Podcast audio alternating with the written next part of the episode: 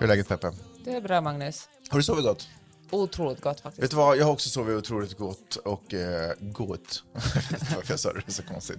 Svartklädd och med så här, som en got. Vad menar du? Ja, att jag sov god. Ja, just det. Med ringen under ögonen. Hör du, och det finns en förklaring till det. to avoid the depression.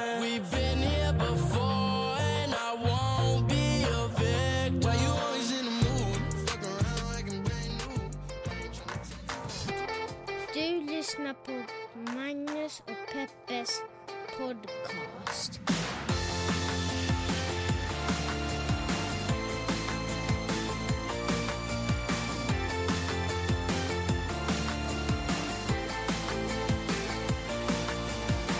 Simon är hemma! Woo!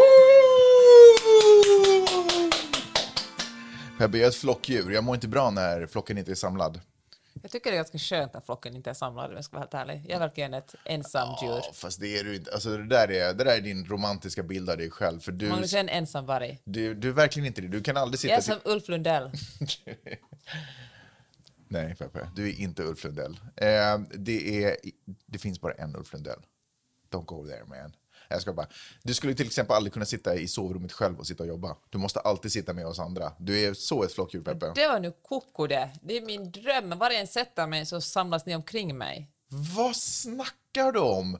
Du sitter och klagar här i det här rummet på att du inte kan jobba och alla andra måste vara tysta. När du skulle kunna gå till ett annat rum och jobba, men du kan inte gå till ett annat rum. För det är inte byta bord i något annat rum. Jag ska sitta i sängen därför att, oergonomiskt. därför att flockens dragningskraft är för stor. Jag har inte ett lätt podcastjobb som du, man bara Wow. sitter och pillar lite på sin dator. Jag måste verkligen skriva och skapa grejer. Där man sitter och pillar lite på sin dator. Hörru du, evidens nummer två, your honor. Jag har också föreslagit dra till ett kontor eller sätt dig på ett café och jobba. Har du hört talas om covid? Nej, men det här var ju innan covid också. Ah, ja. Mm. Du bara vägrar. Nej, men jag vill vara med er. Du är Jag har aldrig sagt att jag vill vara med er. så jävla otrevlig. Eh, det, jag är ett flockdjur. Nu var det faktiskt inte det här. Det ska inte handla om dig, Peppe. Det ska handla om att vår lilla älskade katt som har varit borta nästan på dagen två veckor plötsligt står utanför balkongen och bräker. Eh, med svansen tjock som en, eh, falu, en luden falukorv och eh, stirrig. Alltså, H.C. Andersen beskriver de här katterna som med stora, liksom, eh, vad, vad sa han? Som tefat. Ja, men precis. Tefatsögon. Exakt, och så, så stod han också. Tefatsögon. Eh, men nu är han hemma igen och han har bara sovit och ätit. Han är så gosig. Han bara spinner och går omkring och vill att man ska gosa med honom. Jag inser att jag, vi kanske inte ens har sagt att han har varit borta. För vi har väl inte spelat in podden sen han försvann? För, Ja, jag, har det är i alla typ, fall länge sedan vi spelade in för podden. jag har typ inte kunnat fokusera. För att eh, jag har sovit dåligt. För några nätter sedan började jag få lite tillbaka sömnen. Eh, men, eh, men nu känns allting otroligt bra. Det finns en som inte är glad över att Simon är tillbaka. Ja, det är vår andra katt. alltså, vad är grejen med Är det för att hon typ fick lite ny status och den försvann? Ja. Eller är det för att han luktar funky? Nej, det är för att hon har liksom varit vice katt i vårt Ja. hem. Men nu när hon var borta fick hon I platsen dina som ögon. Det här, säger, katt. det här säger så otroligt mycket om dig, att du tycker att hon har varit vicekatt. Ja, men hon, tar, hon tog platsen, nu kom han tillbaka och började dominera. Liksom. Ja. Jag kan verkligen relatera till Katniss känsla. Han låg och s- med oss i soffan och var så otroligt gullig och hon bara sträckte upp huvudet och bara... Ja, eh, vad heter det? Allting är återställt. Sa- Samlingen är återställd. Vad heter, vad heter det? Skitsamma. Eh, vi, vi börjar podda lite istället. gör det. Är du med? Ja. Eh, Jag skulle ändå bara vilja kolla lite snabbt hur har din vecka varit? Du har haft jättemycket, du har varit, det känns som du har varit stressad. Det är mycket som händer nu. Jag har haft en, en jobbig vecka. Jag, haft, eh, jag fick mitt första nackspärr, så fick jag jätteont i ryggen en annan dag. Och, eh, ja, men det, har varit, det var en dålig vecka. Fick rida, jag var arg på min ridlärare i, i fredags. Oj. Men det är konstigt, jag brukar verkligen inte ha så stora problem att säga till folk om saker jag tycker, men någonting med ridlärare, liksom dynamiken när jag är som elev och, ridläraren, ridlärare, det blir en konstig hierarki där som gör att jag alltid drar mig från att säga när jag tycker någonting är fel. Hmm, vad är det för dynamik? Eh, Men jag respekterar liksom ridinstruktörer mycket. Du har ju annars också ett problem med auktoritet. Ja. Li, liksom, spelar det över på en ridlärare? Nej, kanske inte så mycket. Jag liksom vill att de ska lära mig allt de kan. är det den enda auktoriteten du kan acceptera? Ja, jag tror det. Mm. Men i alla fall nu tappar jag... Ja, men det har inte varit kul att rida, för jag tycker de där hästarna jag fått rida på just den ridskolan har varit... Men de har inte någon livsglädje. Jag tycker synd om de stackars hästarna. Du har svårt Och, att säga eh, att det var dåliga hästar. Ja, men jag har börjat rida på en ridskola för att jag fick rida en jätte, jättebra dressyrhäst. Det var Mm. liksom min tanke, nu ska jag verkligen utvecklas. Mm-hmm. Så blev den ridhästen, alltså den eh, hästen halt och så var jag tvungen att rida nybörjarhästar. Som, och nu vill jag verkligen inte snacka skit om några hästar. Jag älskar alla hästar. Varför får, man, vänta, varför får man inte snacka skit om hästar? Nej, kan inte alltid- hästar också vara assholes? Nej men det är alltid ryttarens fel. Man måste utgå från om, om en ridlektion går dåligt eller en session går dåligt, är det liksom, det är inte hästens fel, det är ryttarens fel. Men då tänker vi väl att hästen redan är på en nivå. Ja. Det kan ju inte vara så att man har liksom alla i hästar och de kommer alltid undan. Men hästar får vara hästar, de får vara hur duktiga och inte duktiga de vill. Men jag började rida här enkom för att få rida på en riktigt, riktigt bra dressyrhäst som skulle lära mig saker. Och Mm. nu rider jag på hästar som jag är tvungen att lära saker och det vill jag verkligen inte göra. Okej. Ja, men det sa jag till henne. Jag sa, hörru, det här har inte varit kul de senaste gångerna. Vi måste styra upp det här. Och jag var så stolt över mig själv efter som jag vågade liksom säga till det här åt någon som jag kanske annars... Ja, men, i- alltså, det kändes som en, en ny nivå i mitt säga till folk att de ska ändra sig. Är du stolt över mig? Jag är otroligt stolt över dig. Man ska säga till när, när det blir någonting fel. Ja, men alltså jag brukar på riktigt inte ha problem med någonting med ridlärare, men jag tänkte nu har jag sprängt den barriären. Får jag säga en sak? Det där är faktiskt, alltså, ofta så drar man sig för att säga till och jag upplever att man ibland drar sig för att säga till därför att man inte vill bli arg på någon annan. Men det finns faktiskt ett sätt att säga till om saker som inte har blivit så som man förväntar sig utan att bli arg. Man måste liksom inte välja antingen säger jag inte eller så blir jag skitlack. Ofta så tänker jag att folk tar det här för att det är så obehagligt att eh, att säga att någon annan har gjort fel eller kritisera eller på något sätt för, vilja ha någon, en service som man har betalat för på, på ett annat sätt. Att man liksom, det är så obehagligt så man måste slå på den här ilskan för att liksom komma in lite med svung och lite sådär. Man bara, nu kör vi liksom. Man, Åh herregud, vårt som skriker. Man bara kastas ut för, den här, eh, för, det, här, för det här stupet. Liksom. Men, men om man egentligen, om man bara liksom, tar några andetag, lugnar ner sig, funderar på det liksom, Alltså det är inte orimligt att det ber om det här. Det är ingen, det är inte liksom den personen nödvändigtvis kanske fel. Det kanske var ett missförstånd. Jag kanske inte har varit tydlig i kommunikationen. Den personen kanske utgått ifrån att jag vill ha någonting annat. Så då kan man bara vara så här, du, det här är inte riktigt vad jag förväntar mig. Det här skulle jag gärna vilja ha. Kan ni leverera det? Om ni inte, det är cool. Då, men då drar jag. Liksom. Men vet du, jag tycker faktiskt att amerikaner är mycket duktigare på det här än nordbor generellt. De Ja. kan ju verkligen säga till, kan vi styra upp det här? Och på ett ganska trevligt sätt utan att det måste bli en jättestor konflikt. Nu tycker inte jag om att du generaliserar, generaliserar amerikaner och säger att de är på vissa. Ja, det finns det verkligen alla sorters. Eh, 330 ja. miljoner. Så är det.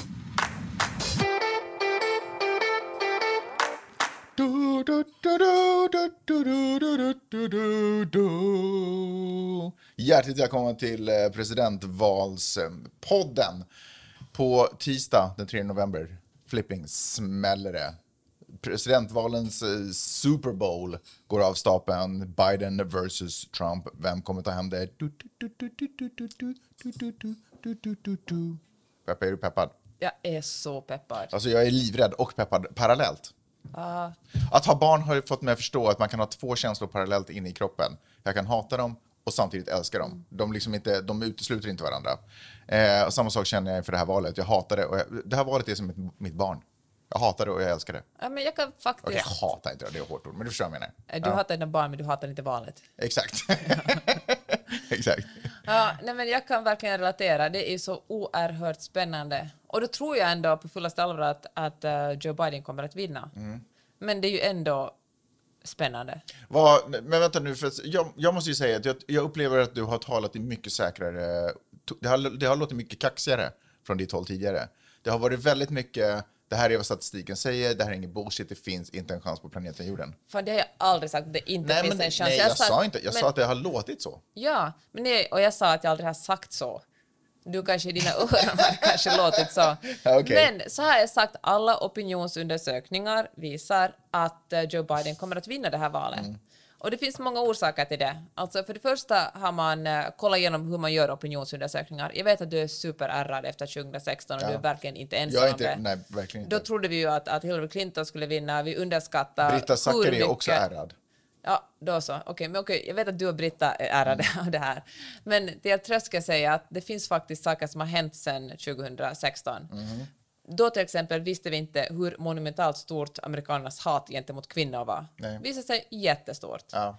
Och, då, och på den tiden visste man heller inte exakt vem, Trump var. egentligen. Man var, är han en I framgångsrik... egenskap av politiker, precis. Ja, är han en programledare? Är han en framgångsrik businessman? Mm. Är han en, bara en vanlig sexist? Och, eh, Det fanns så många vägar att välja där. ja. och så många, alltså. Det var en, Och han har det- uppfyllt dem alla kan man väl ändå säga. Ja.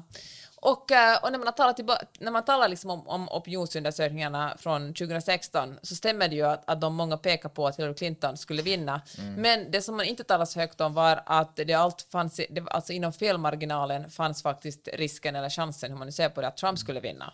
Men tror du Så- inte att det är så, för det här landet är ju väldigt, kanske alla länder, vad vet jag, kanske jag inbillar mig att jag har ett starkare psyke än jag egentligen har, men i det här landet är det väldigt mycket att man follow the leader.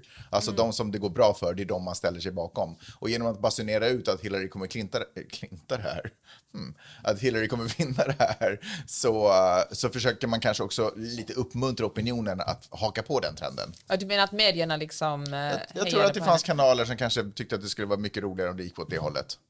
Ja, man var ju väldigt eh, nöjd över att få en kvinnlig president. Det kändes ju så. Först en Man svart president, stolt sen en kvinna. ja. Det kändes verkligen det här är det mest progressiva landet i världen. Mm. Sen visade det sig att det inte alls var så. Och jag tror också en, en, en, ett fel som åtminstone jag gjorde i förra valet, och, eller upp till förra valet, var att min media, alltså det media jag insöp var ganska enformigt. Jag, alltså jag kanske mer ägnade mig åt att titta på CNN och fick på så sätt inte heller en fullt nyanserad, jag kanske inte förstod i vilken utsträckning CNN var lutad. Liksom. Kanske det, eller vinklad.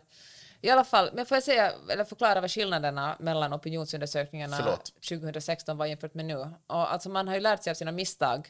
Och eh, då till exempel intervjuar man mest eh, högutbildade amerikaner. Eller det var egentligen mest de som svarade på sådana enkäter, medan folk som inte hade en collegeutbildning struntade i att svara på dem. Och nu i den här omgången har man försökt ta med verkligen allihopa, ett så brett sample som möjligt. Det som man eh, också har gjort nu är att konstatera att det finns färre obestämda väljare. Inför 2016 var folk sådär att ah, Trump, Clinton... Jag har inte bestämt mig. Nej, Ja.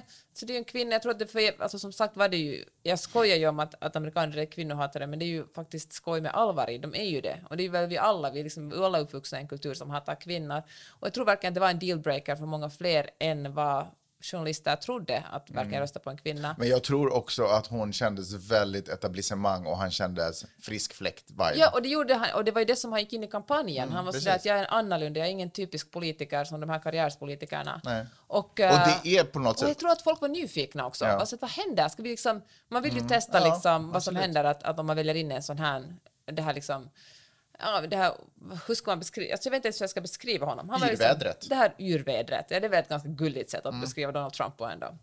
Men eh, nu har man eh, lärt sig sin läxa, opinionsundersökningen har lärt sig sin läxa och man har varit mycket mer noga med vem man frågar och man har kunnat konstatera att det här landet är så otroligt polariserat just nu att det finns ganska få väljare som ännu inte har bestämt sig.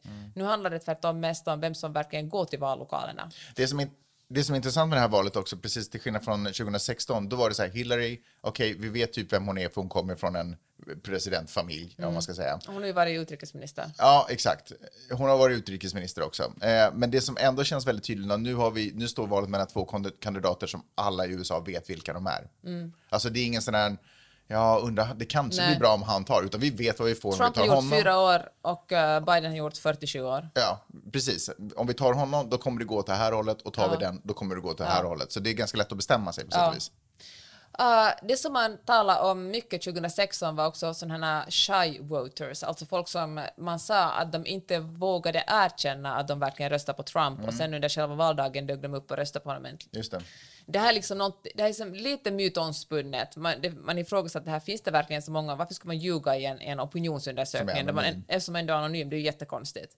Och, eh, men eftersom Trump har blivit mer av en Alltså om man röstar på Trump och liksom är republikan just nu, då är det mer en identitet, alltså det är en identitetsfråga nu fyra år senare. Och nu räknar man med att det finns, kommer att finnas ganska få liksom, hemliga, så att säga, shy Trump-voters, eftersom ja, det är ingenting som folk är blyga med vem de röstar på. Nej. Tvärtom talar man liksom mer om shy Biden-voters nu. Aha. Och eh, speciellt i Florida, som är en jätte, jätteviktig vågmästardelstat. Eftersom Florida kan ju gå både demokratiskt och republikanskt och just nu leder väl Joe Biden pyttelite men, men också inom felmarginalen så det kan vara att, Trump, eh, att, att, att Trump leder där. Men då finns det liksom, Florida är ju känt för att vara ett ställe, det finns både storstad och landsbygd och otroligt många pensionärer Alligatorer, ja. och alligatorer, som vi ju alla vet vem de röstar på. Ja. Men, eh, Let's not go there. men, eh, och eh, traditionellt har äldre människor röstat på Republikanerna eftersom äldre människor är, är, alltså pensionärer är oftast republikaner och kon, mer konservativa. Medan i och med att det råder en pandemi i det här landet just nu och att det är många äldre människor som har strukit med i den här pandemin så är de här inte alls lika självklara röster nu för tiden mera som det har varit tidigare år. Nej. Och då har man liksom åkt runt, alltså det var roligt, både liksom eh, the, the, Daily podcast, New York Times podcast, gjorde ett reportage från The Villages som är liksom en jättestora kluster där det bor jättemycket pensionärer.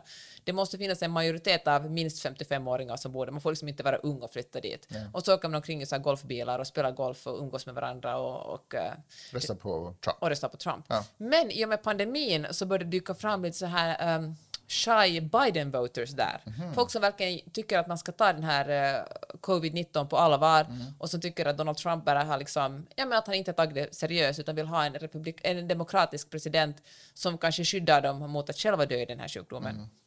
Och, eh, men eftersom det är så, eftersom det, det är så tajt, liksom, en så, så tajt bubbla i the villages bland de här pensionärerna så är det ganska svårt att gå ut att, och berätta att man verkligen röstar på, på Joe Biden. Och eh, då hade de lyckats hitta några få sådana pensionärer som gör det och en hade berättat att när han hade satt en, en Biden-lapp i sitt fönster då hade någon kommit ut med så här, eh, vad heter sånt, så här medel som man dödar, dödar uh, ogräs med. Så här detergent liksom. Och skrivit Trump på hans gräsmatta Oj. med det. Och liksom folk, att de här pensionärerna är liksom, de är, som, de är gangsters mot varandra.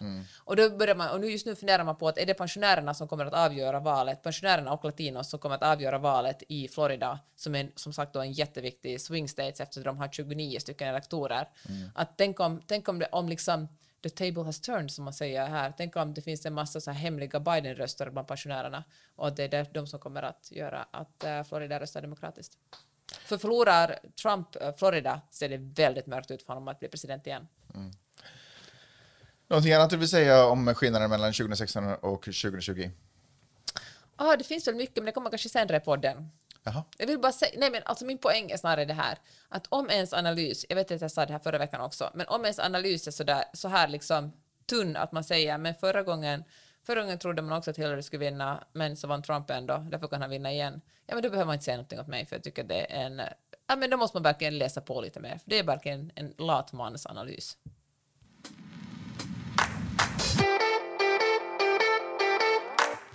Kan jag också få säga att jag upplever att det är ehm, en annan grej som står på spel inför det här presidentvalet. Därför att det, är ju, eh, det här presidentvalet har ju ändå lockats fram från sina små skrymslen. Eh, väldigt mycket tyckare och vetare eh, och besserwissrar, för, låt mig för all del. Eh, och eh, nu är det ju också lite sådär kniven mot strupen. Hade vi rätt? Alltså vi, vi är säkert en av dem i någon, form av, någon av de kategorierna, eh, tycker om inte annat. Eh, ha, hade vi rätt? Eh, och så. Och det tycker jag också är otroligt. Jag, jag kan nästan känna att en anledning till att jag är nervös för det här är för också allting jag har sagt. Din egen trovärdighet står är för min på egen, spel. Men liksom inte, inte så hårt och jag känner mig inte för, förgörd. Men jag har ju ändå hört mig säga saker och argumenterat emot. Och, men kanske också inlurad i argumentation där jag känner att men, fast nu, det du säger nu är fel. Bla, bla, bla. Det kommer gå så här av den här anledningen. Eh, och nu är det lite sådär, ja, min egen trovärdighet står på spel. Men hör du, din egen trovärdighet handlar det inte om hur du hanterar att du haft fel. Istället för att låtsas som ingenting och gå vidare. När vi spelar in den här podden och det visar sig att Mm. Donald Trump har vunnit alla staters elektorer, till och med Kalifornien. Ja. Hur hanterar vi det då? Alltså det är väl det som eh, trovärdighet handlar om. Om man Mm. erkänner sina misstag och försöker ta reda på varför det blev så här. Jaha. Det som är otrovärdigt är det när folk bara slänger ut teorier härsan och tvärsan och sen när de har fel så låtsas de som de aldrig sa någonting. Nej, men precis, vi, vi tog ju upp det i förra podden, just det här med hur konspirationsteori lite får, eh, får luft under vingarna. Därför att man aldrig behöver, man ställs aldrig, om man är en person som slänger ut konspirationsteori så slängs man aldrig, ställs man aldrig till ansvar, eller till svars för det, Jesus Christ. Eh, jag lyssnade också på en, eh, eller egentligen så, jag klipper ju Britta och Parisas podcast. Eh, och i det så hade de en sekvens där de pratade om Kanye West som gästar Joe Rogan. Hans eh, liksom 48 timmars podcast. Och, och, där, och, och, och Kanye West är, hans huvud är ju lite spacigt, alltså det drar ju väldigt iväg. Men han tenderar att liksom lite sådär i samtalet bara casually ungefär slänga ut konspirationsteorier. Eh, och så bara lite så gå vidare. Men det Joe Rogan gjorde som var ganska snyggt var att han liksom stannade upp och vänta vad menar du här? Och så liksom fick den lite reda ut det, bland annat om eh, ja, men, ointressanta grejer som hur typ Bob Marley har dött eller Bruce Lee har dött, bla bla bla. Men, men min poäng är att han kastade ut de här, Joe Rogan stannade upp och var så men så där är det ju inte, det var ju det här som hände. Eh, och då kan jag säga, ah, ja, ah, okej, och så går han bara vidare. Du vet att man bara liksom, det är, som man, det är ungefär så som jag söker jobb, att du vet, man bara kastar ut metspön överallt och så ser man vad som fastnar. Och det som inte fastnade, det kommenteras aldrig mer. Det, det, det blir bara liksom, det blir bara lagt i jord eh, på något sätt. Ja, fan, det är otroligt oansvarigt. Och då tänker jag att om man är en influencer som Kanye West måste man ha större ansvar än så. Men för att säga så, här, det här talade faktiskt om bilen igår när vi åkte upp till stallet, hur äh, duktig Joe Rogan ändå är Alltså, för att kunna göra en bra intervju och göra en bra intervju med någon som slänger ur sig sådana konspirationsteorier måste man ju själv vara så pass allmänbildad att man kan ifrågasätta dem och förklara hur det är på riktigt. Och eh, jag måste säga att eh, för mig har Joe Rogan alltid varit jag men, en, eh, jag men, en ganska slapp typ. Som, eh, eller, och jag erkänner verkligen att det här liksom, så visade sig, det är han säkert inte, jag har liksom bara lyssnat på Elon Musk-avsnittet typ när han rökte weed med Joe Rogan. Och, eh, men eh, nu inser jag ju att han är mycket mer påläst än vad jag trodde och att han bara inte är liksom en inkörsport för miljoner män till podcastvärlden utan att han verkligen har lite skills också. Precis. Men mitt, mitt syfte var egentligen inte att stanna vid Joe Rogan eller ens att återanvända ett inslag som jag, eller sådär, en prata som jag hade från förra, förra gången vi gjorde det här. Utan min poäng är att, för då, det som har varit, det som till exempel är problemet med Qanon och alla andra konstiga saker, jorden är platt-grejer, är att liksom Kommer vi någonsin få reda på det? Kommer någon kliva fram och vara sådär, okej, it was me, it was just, jag bara skojade. Liksom. Det kommer aldrig att hända. Så vi kommer aldrig få reda på det. Så, att, så den här den konspirationsteorin kan få leva vidare och typ dö. Dog Elvis Eller dör den då? Ja, Eller, eller bara leva vidare egentligen, men kanske kan, möjligen fejda ut när något nytt eh, samtalsämne blivit intressant.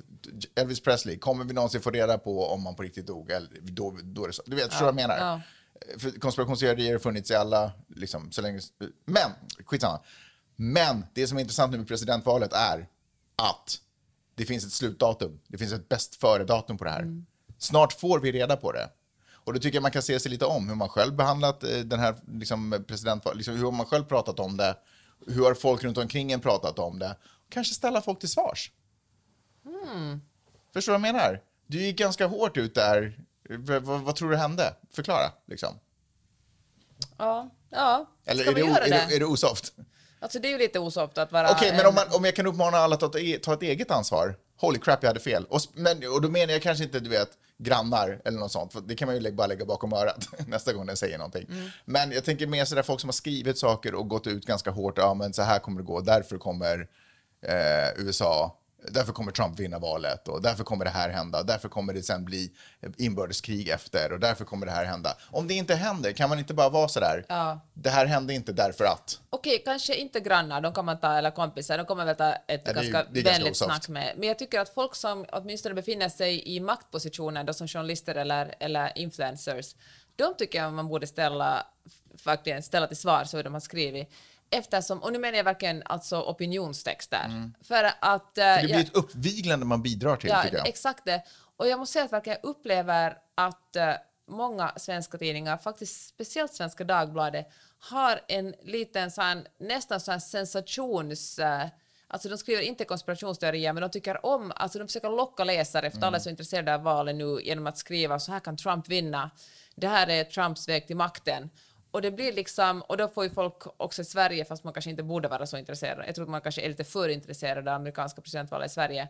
Men jag tror att, att det liksom, det kittlar folk i att, eh, att eh, trycka, klicka på länken och läsa historia, eller läsa liksom texten. Skriver man så här att, att Joe Biden kommer att vinna, det är liksom inte lika kittlande, utan det är, ja men då kan man rycka på axlarna och läsa någonting annat som kanske har med svensk inrikespolitik att göra. Ja, och jag tycker också att det är kanske lite fegt, för det är också ett sätt att liksom lite smita undan det här ansvaret någonstans. Men det är klart man ska rapportera om saker och ting, men ändå liksom att, att man bidrar ju ändå till en, till en uppvigling.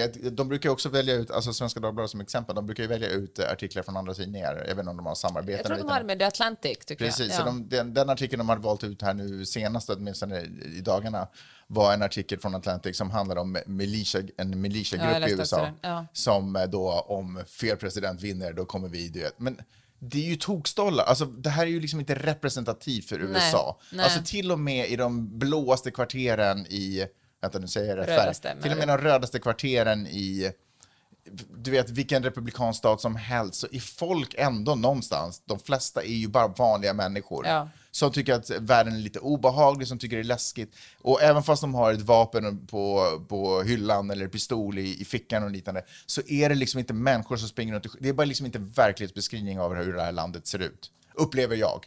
Ja, nej, jag håller verkligen med om det. Men det blir så konstigt när man, målar, när man lägger upp det, för då får man en just känsla av att, att här patrullerar folk på gatorna med vapen och redo att skjuta när som helst. Och det är klart att folk är galna, men det är ju galna människor som är roligare att se på tv och det är därför det är de de som får filmas. rubriker. Ja, men jag undrar, Fråga Filip och Fredrik, det är ju de som är roligast att kolla på. Jag menar inte Filip och Fredrik, utan galna människor. ja, jag eh, undrar vem det var jag skulle göra ett reportage för, eller snacka om hur läget är inför valet. Nu minns jag inte om det var vilken, alltså vilken media, men då ville de att jag skulle åka Nej, just det, vad vi gjorde eh, efter nio som du och jag besökte. Och så skrev de att kan, men kan du åka omkring och filma lite så att där det finns Trump-skyltar och trädgårdar fulla med Trump-skyltar och så filmar man lite liksom Biden-skyltar.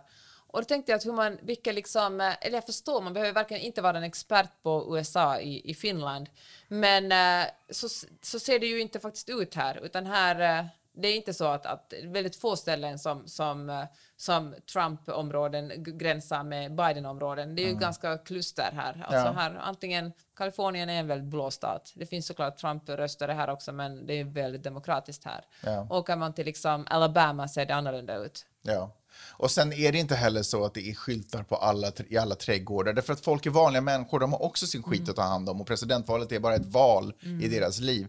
Och sen är det också så här, att, eller så upplever jag också att det är på det sättet att, att vissa som väljer Trump väljer för att de bara är republikaner. Det är liksom inte, kanske inte djupare eftertanke. Nej.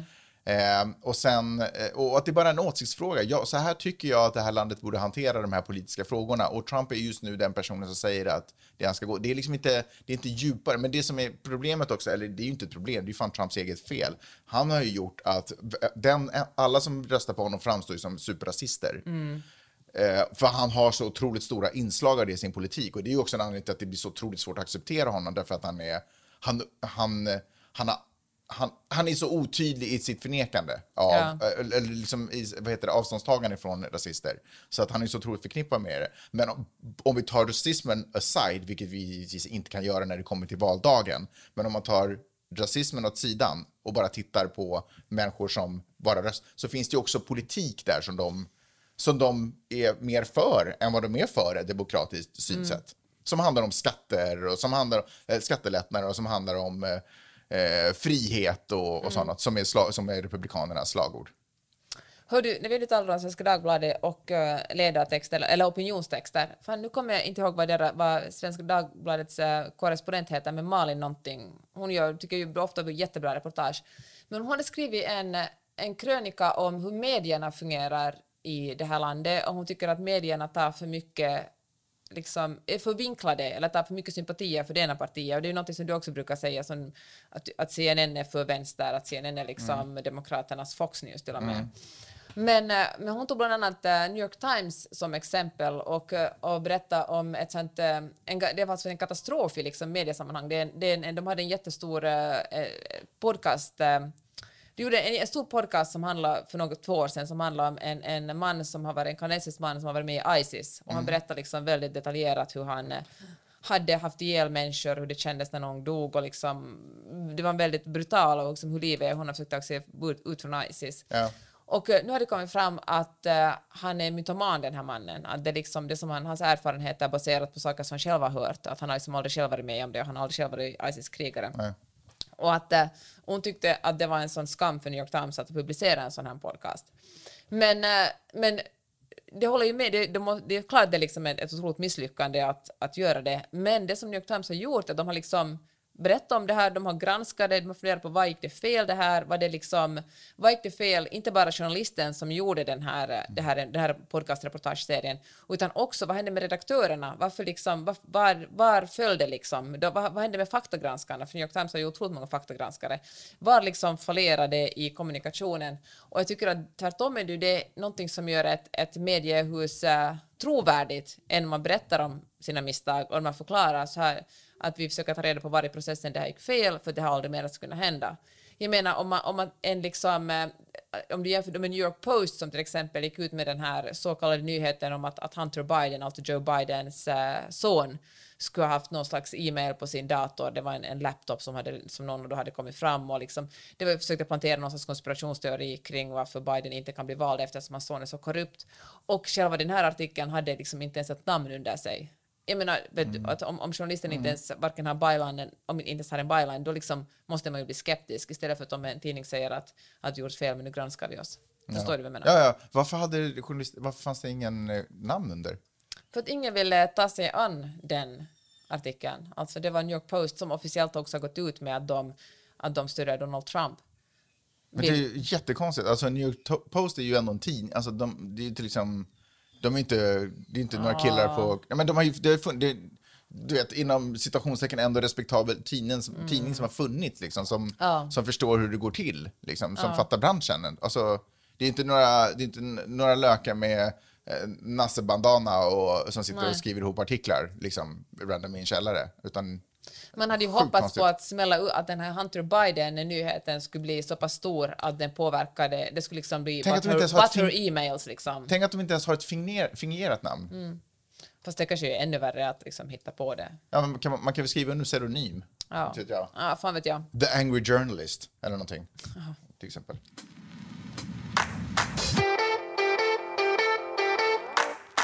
Ska vi tala lite om cancel culture? Nej, Mycket. det tycker jag inte att vi gör.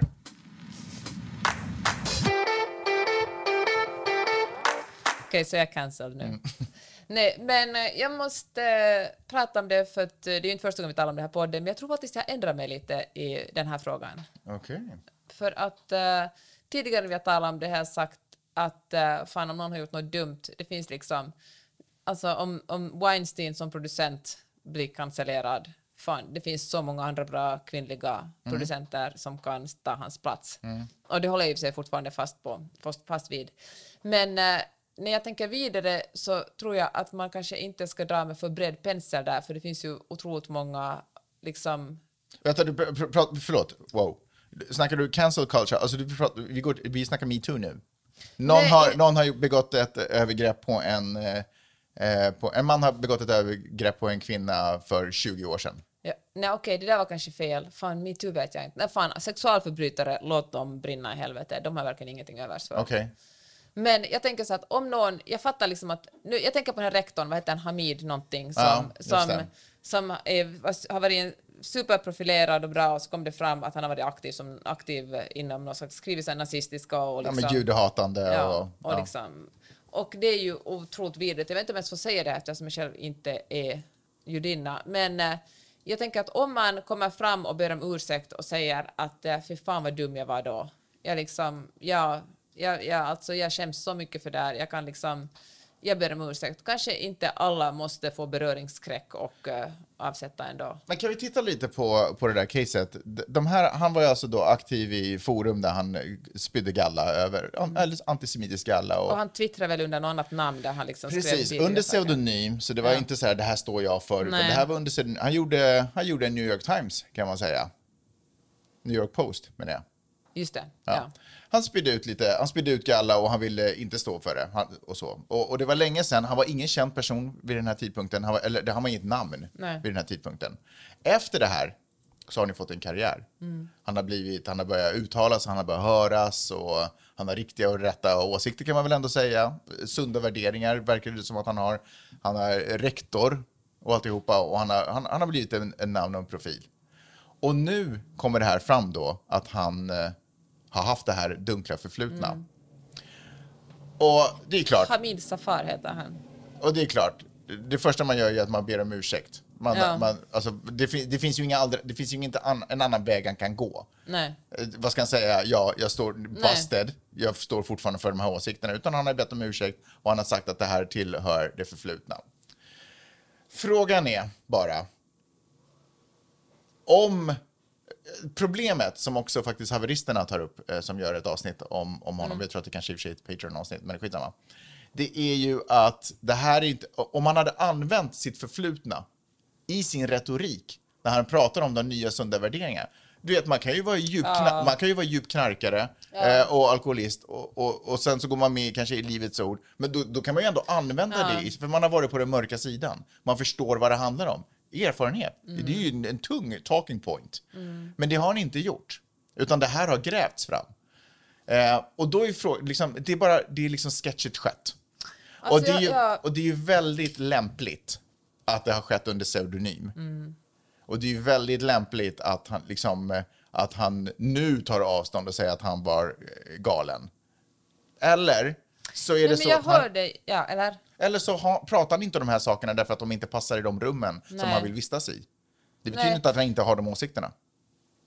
Nej, men jag hör det ju, alltså jag vill inte, han, var, han säger, han ju själv sagt att han var ung och sökande, men han är väl i 30-årsåldern. Och det, så kan man, han är i 30-årsåldern Nej, nu. han var då i 30-årsåldern, så han var ju liksom inte sur, det var inte en tonåring. Nej, men Nej. jag hör det, och jag, liksom, jag, jag hör det verkligen, jag vet inte hur jag ska kunna säga emot det där. Men jag känner ändå att eh, fan, och det var då, och jag tänker, men det som man gjort ändå, det är ju mänskligt. Alltså, det 100%. ja, alltså, Absolut. Man vill ju, alltså det är ju inte, när man gör en karriär är det ju inte man först, man, förresten innan ni ger mig det uppdraget vill ni ska veta att jag var nazist. Nej, men, Eller liksom hatar homosexuella och liksom skriver rasistiska saker på... Han är ju själv från Afghanistan liksom. Och, ja, men, eh, men, jag, men, men, det, att- men det, ja. det har ju liksom ingen betydelse. Det är ju inte så att rasister är bara... Alltså, Nej, nej, jag menar han, inte att det är ingen... Alltså man kan... Nej, han nej. kanske inte hatar svarta. Och det, det Han kanske hatar inte, judar och homosexuella. ja, men exakt. Och det, liksom, och det ligger ju och kanske... kroater och... Ja, whatever. Men om vi, nu, om vi nu ändå går vidare till cancel culture, så då, då är frågan då, han har gjort någonting som inte var så jävla snyggt, oavsett hur det kom fram, han kunde ha erkänt det själv, bla bla bla. Måste han bli cancellad för det här nu? Är det, är det fräckt av folk att, a- äh, fräckt av organisationer att avboka honom nu? Nej, alltså jag förstår att de avbokar honom och jag förstår också att det är ett hån mot alla som blivit utsatta att hålla honom kvar. För håller honom, man honom kvar så då liksom kanske man symboliserar att vi tycker inte att det är så farligt med, med Nej. liksom judehat eller, eller liksom hat på homosexuella och hbtqi liksom, personer. Men jag känner ändå att... Äh, ja, fan, jag Men vet det här är inte. det som gör- Men mig- jag tänker, okej så här kanske. Jag tänker att eh, folk är så jävla självgoda i sin wokehet. Och jag fattar själv att jag är verkligen en sån som vill vara så woke att jag nästan liksom kissar på mig. Men, men att det blir liksom att folk så här, folk försöker försvara, är så noga med sin egen identitet som en god människa och de liksom på något sätt speglar sig själv i motsatsen till någon som har gjort någonting fel. Och man blir väldigt snabb på att, och det här är ju ett grovt exempel, han har gjort otroligt mycket fel.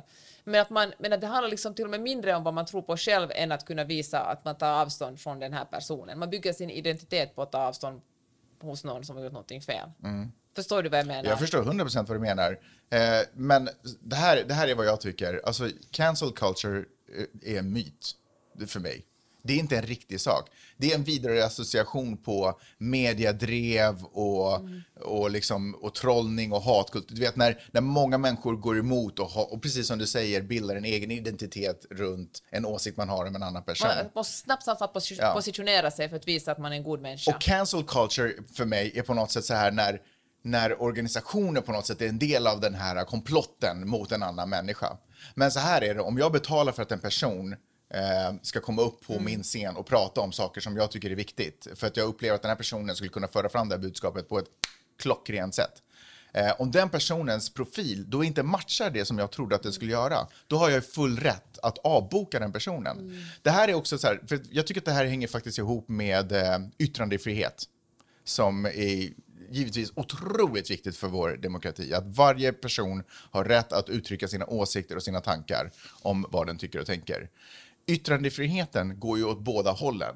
Om du säger någonting som du har rätt till och säger att jag tycker inte vi ska ha invandrare i det här landet därför att jag litar inte på invandrare. Eller jag tycker till och med att invandrare luktar illa. Det är liksom en del av yttrandefriheten, det har jag rätt att göra. Men på andra sidan så har jag också rätt att säga att det du säger är helt uppåt väggarna. Du har inte rätt. Det är inte me, Det är inte jag cancelling you out. Det är jag som också utövar min rätt av det demokratiska systemet. Och om du är en profil som inte är den du påstår dig vara, eller som inte har varit öppen, när du dessutom spelar in på en arena som är en öppen arena. Hans ambition har ju varit att vara en del av, eh, att dela debatten och få uppmärksamhet och kunna prata om de här sakerna. Han har ju, det är ju vad han har... Han har väl gjort bra saker också? Han har 100% gjort bra saker också.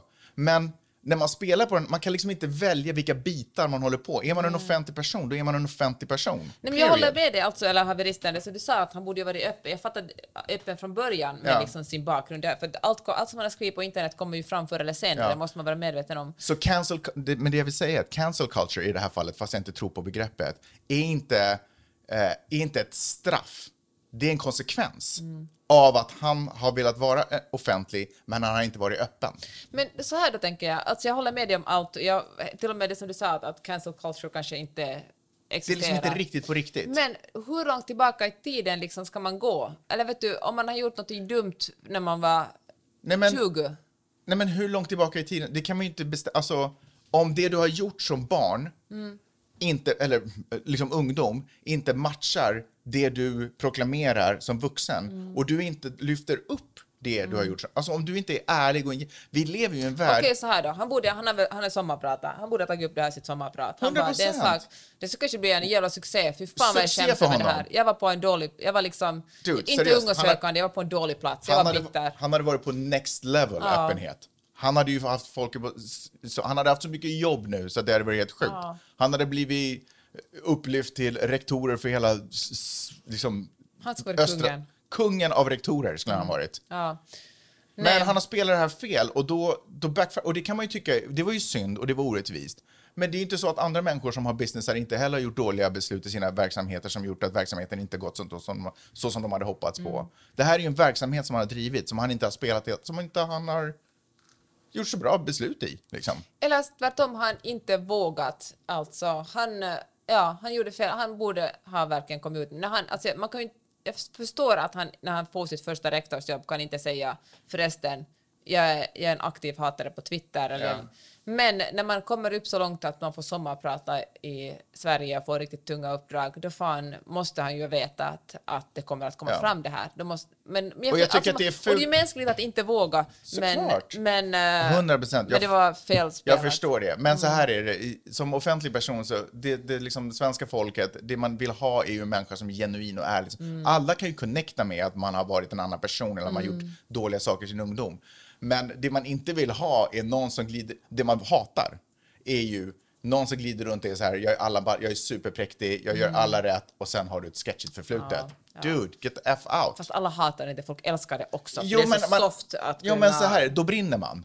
Man brinner Ja. då. Om man, om man, så han spelade, han spelade fel, men att, att komma och säga att det skulle vara en komplott eller maskopi, det här är en naturlig reaktion på att du inte är den du utger dig för att vara. Okej, jag är med på det. Jag håller med dig, Magnus. Och det är, samma, liksom, det är ju bara, det är liksom Bar och alla de här människor, alla människor med liksom aggressiva åsikter, det är då, bara de som skriker cancel, cancel culture. Men det är inte cancel culture, det är en konsekvens av att du inte är en skön person och jag tänker inte betala dig pengar för, att, för din service, period. Sen kan du skrika och kalla det för vad du vill. Jag har samma rätt, i, och, och dessutom om jag argumenterar emot dig och det skulle vara cancel culture i den formen, för det kan man ju också säga. Folk Att någon säger emot en, Ja, blir då är bara oh, cancel culture. Man bara, vad fan snackar du om? Nej, jag med. utövar exakt samma rätt. Eller, jag tycker inte ditt skämt är roligt, jag kommer inte gå på ditt gig. Du är inte cancellad. Jo, du är cancellad av mig, Mm. för jag sympatiserar med din skit liksom. Okej, jag är med dig. Jag är med dig.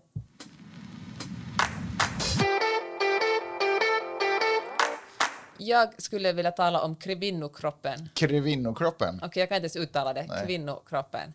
Eller, det är roligt att jag säger det för att jag vill verkligen inte tala om kvinnokroppen. Nej, va? Nej men så här, kvinnokroppen ska ska hela tiden vara i fokus, min, min poäng. Mhm. Liksom, det finns så många olika företag som kapitaliserar på att kvinnor är osäkra på om deras kroppar är okej. Kä- Sälja grejer med tjej. Ja, men, eller sälj grejer med kvinnors osäkerhet kring deras kroppar. Jag tänker på Dove till exempel, som det är flera år sedan, de hade en kampanj där alla kvinnor som var, kvinnor som var jättevackra, men en var lite smal och en var lite tjock, men alla hade släthy och jättevackra ansikten och liksom och då stod det så där, köp vår produkt eftersom vi tycker att kvinnokroppen är okej. Och jag tycker att det här är väldigt typiskt att eh, man visar en, en kvinnokropp i bara underkläderna och när kvinnokroppen är men fan, en kropp liksom, men den har alltid ett väldigt så här eh, normativt vackert huvud på sig, den här kroppen. Och så står det köp vår grej för vi tycker att du ska vara nöjd med din kropp.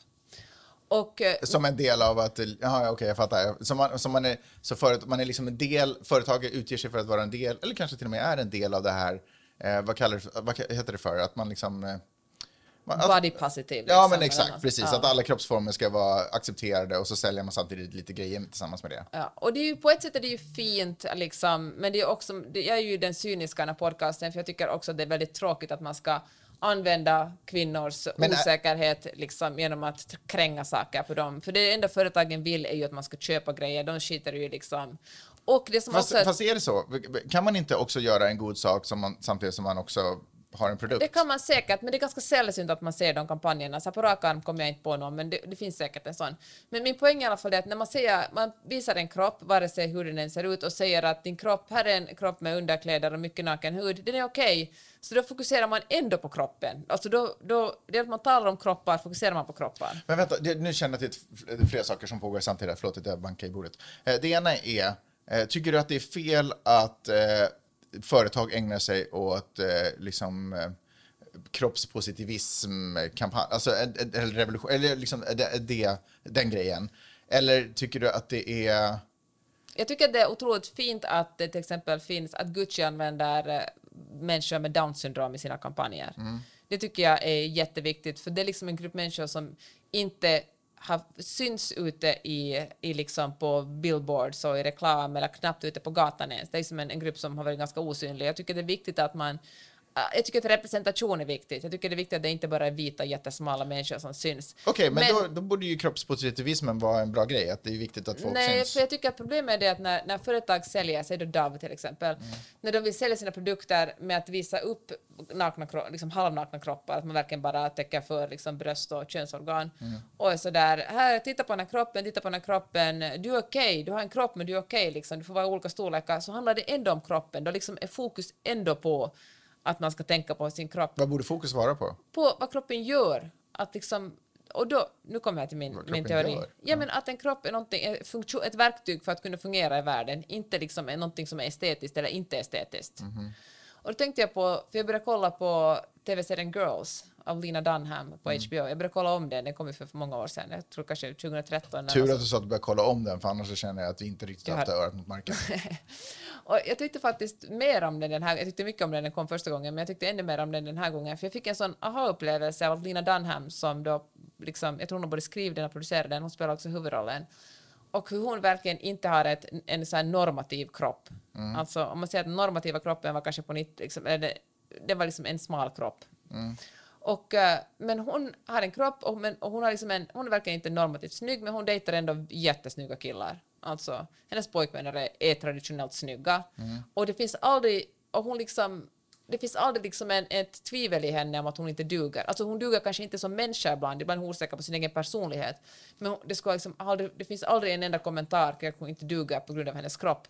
Det finns till exempel en en, Aha, okej. ett avsnitt där hon eh, träffar en, en sån verkligen supersnygg läkare som är tio år äldre än hon, superrik, bor i ett sånt här, uh, bor i, i, jag tror det i Brooklyn eller något sånt, bara så här.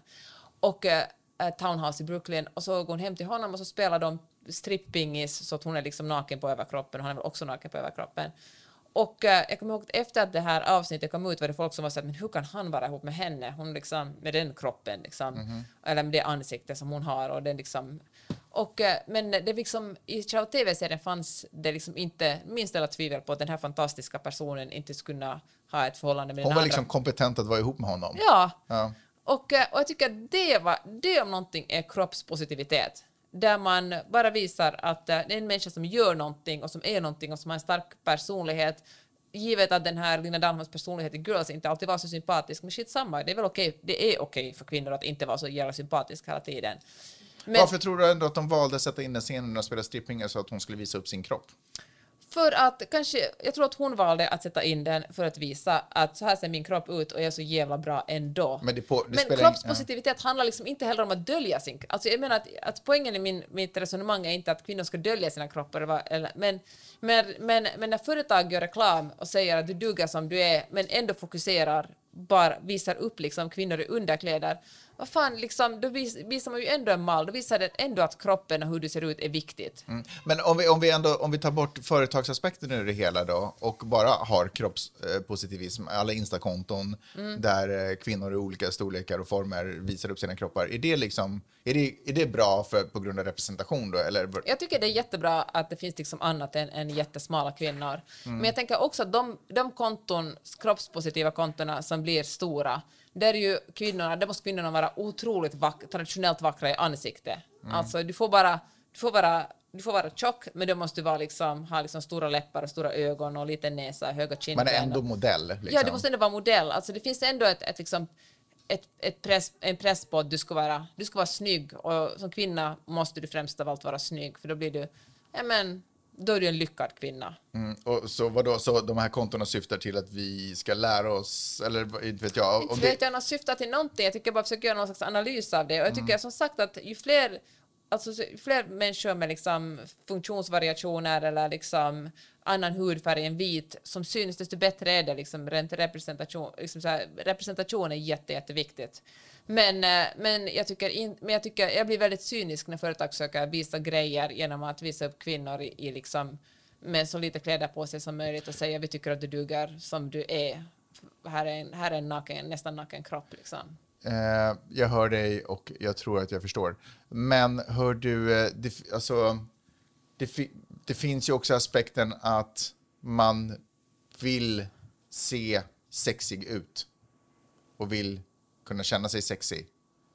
Och, och om man då ser andra människor kunna göra det här så då kan jag också se sexig ut. Alltså man är ju inte alltid bara, kroppen är ju inte alltid bara en, eh, ett verktyg för att jag ska kunna fungera i världen. Ibland är ju kroppen också någonting som ska betraktas. Fast vet du Magnus, jag tror faktiskt sexighet kommer från hjärnan ändå. Om man känner sig sexig inombords och liksom tycker att man är okej, tror jag att man verkligen blir sexig. Jag tror att du kan liksom, jag tänker på alla svenska, inte all, men så så många svenska influencers som liksom gör bröst och röv och läppar och liksom botoxar sig fast de bara är 25. Jo, och då jag tänker jag, känner de sig verkligen jättesexiga om de är tvungna att Nej, men jag- fortsätta liksom Jag fattar det, fast det där, det där är ju, nu missförstår du kanske lite mig, för det där är ju... Eh, det, det där är ju att försöka passa in vad som är en sexig mall. Men jag menar att man kan kanske inte helt ta bort eh, aspekten att kroppen också är visuell. Alltså att man kan också titta på en annan människas kropp. Såklart, men det kan man väl, då kan väl Lina Dunhams kropp Jo, jo, mycket 100%. vara sexig. Jag menar bara... 100%. Jo, men när du pratar om sådär, jo, jag förstår inte varför företag måste göra det här. Jo, men det är ju för att kroppen också är, den är ju inte bara ett verktyg, den är ju också en visuell upplevelse. Men ju mer man breddar på det... Okej, jag förstår vad du menar, men alltså, företag vill ju bara sälja grejer. Jo. Och de vill ju att kvinnor ska vara osäkra och tro att de kan få liksom, bli mer lyckade och bli mer snygga om de köper den här produkten. Det, det handlar ju om att spela liksom, på att kvinnor hela tiden ska sträva efter att vara vackra. För, för jag förstår vad du menar, att sådär, och alla kanske Insta-konton där det är sådär, jag tittar på min kropp och jag vill bli bekväm med min kropp och good for you att du är på den, vid den punkten att du, jag känner att du vill visa upp oavsett hur du, hur du ser ut. Men du tänker så här, skulle vi inte kunna också fokusera på vad kvinnor är kapabla att göra istället för att bara gå omkring som statyetter? Ja, kanske det. Alltså, Men, men ja, det finns ju de nej. också. Det ena utesluter ju inte det andra. Nej, alltså så här menar jag med Lina Dunham. Hon spel, var gjorde sex säsonger av Girls. Och hon var bara en medioker kvinna liksom. Hon, hon var säkert en helt vanlig kvinna. På liksom, inte verkligen, inte skulpt, hon hade inte en skulpturkropp på något sätt. Och genom hela den här serien bara gjorde hon saker. Hon dejtade kvinnor, hon var lycklig, hon var olycklig, hon gjorde karriär, hon gjorde inte karriär. Och hon bara var en människa. Och jag tänker att det är det som var så otroligt befriande och det som jag kanske inte tänkte så aktivt på när jag såg den första gången, men så tänkte jag nu på att, för jag tror verkligen att i och med, du ser Instagram och, och liksom blir vi, för varje dag som går, det kommer fler sociala medier och vi liksom blir, får ännu mer budskap riktade till oss från alla håll, så blir den här pressen på hur man ska se ut och att det blir liksom mer tillgängligt med fillers och botox och det blir billigare liksom att göra skönhetsoperationer, tror jag att vi allt mer sugs mot det hållet att tro att vi måste skulptera vår kropp och bli på ett visst sätt. Men det där är ju bara en trend, den kan ju vända imorgon. Ja, Förstår du? Det där är ju bara jag tror typ att det hade sin början kanske till och med i Sex and the City. Att där någonstans börjar... Va? Nej, okej, skitsamma. Men okej, det där är ett Kim Kardashian-mode, tänker jag ändå, som du, som du pratar Men om. också om man det är bara en ut trend. men jag tänker på men alltså Kate Moss Heroin Chic. Ja, Alltså det, det är ju också ett mode där man ska köpa grejer för att bli precis. på Men det ett handlar visst ju inte sätt. om att op- Det operera handlar bort ju om sig. att svälta sig själv. Det är ju kanske in, det är ju Sant. inte heller så jättesexigt. Och däremellan fanns ett Madonna-mode där det handlar om att träna som fasiken. Men allt handlar ju om att konsumera, allt handlar ju om kroppen, hur man ska göra sin kropp så bra som möjligt. Istället för att vara Lina Dunham som har en kropp och ändå jag gör förstår, jag grejer. förstår, jag förstår. Men vi kan ju inte... Vi kan, ska vi avboka trender? Alltså det går ju inte. Folk vill ju... Alltså det går ju trender i hur vi ska Magnus, se jag är inte här för att förbjuda någonting. Jag vill komma med en Cancel. analys på hur viktigt det är att ha serier där kvinnor inte är... Att liksom, s- att det man ser, alltså jag tror att vi blir på, visuellt påverkade av allt som vi ser, vare sig vi vill det eller inte. Och då tyckte jag att Girls var en så jävligt skön andningspaus i alla andra kroppar som finns där främst som kroppar, eller där liksom själva utseendet av kroppen har så stor betydelse. I Girls hände, var hon bara där Mm. och gjorde saker. Det liksom, Ja, och det tyckte jag var jättebra och jag hoppas det ska komma fler sådana serier. Det var liksom någon slags trend. Jag tänker att det här har ingenting att göra med exakt hur trenden ser ut. Är det liksom Kate Moss eller är det Kim Kardashian eller är det liksom Madonnas armar? Strunt samma, det handlar ju ändå om liksom utseende, inte vad man gör.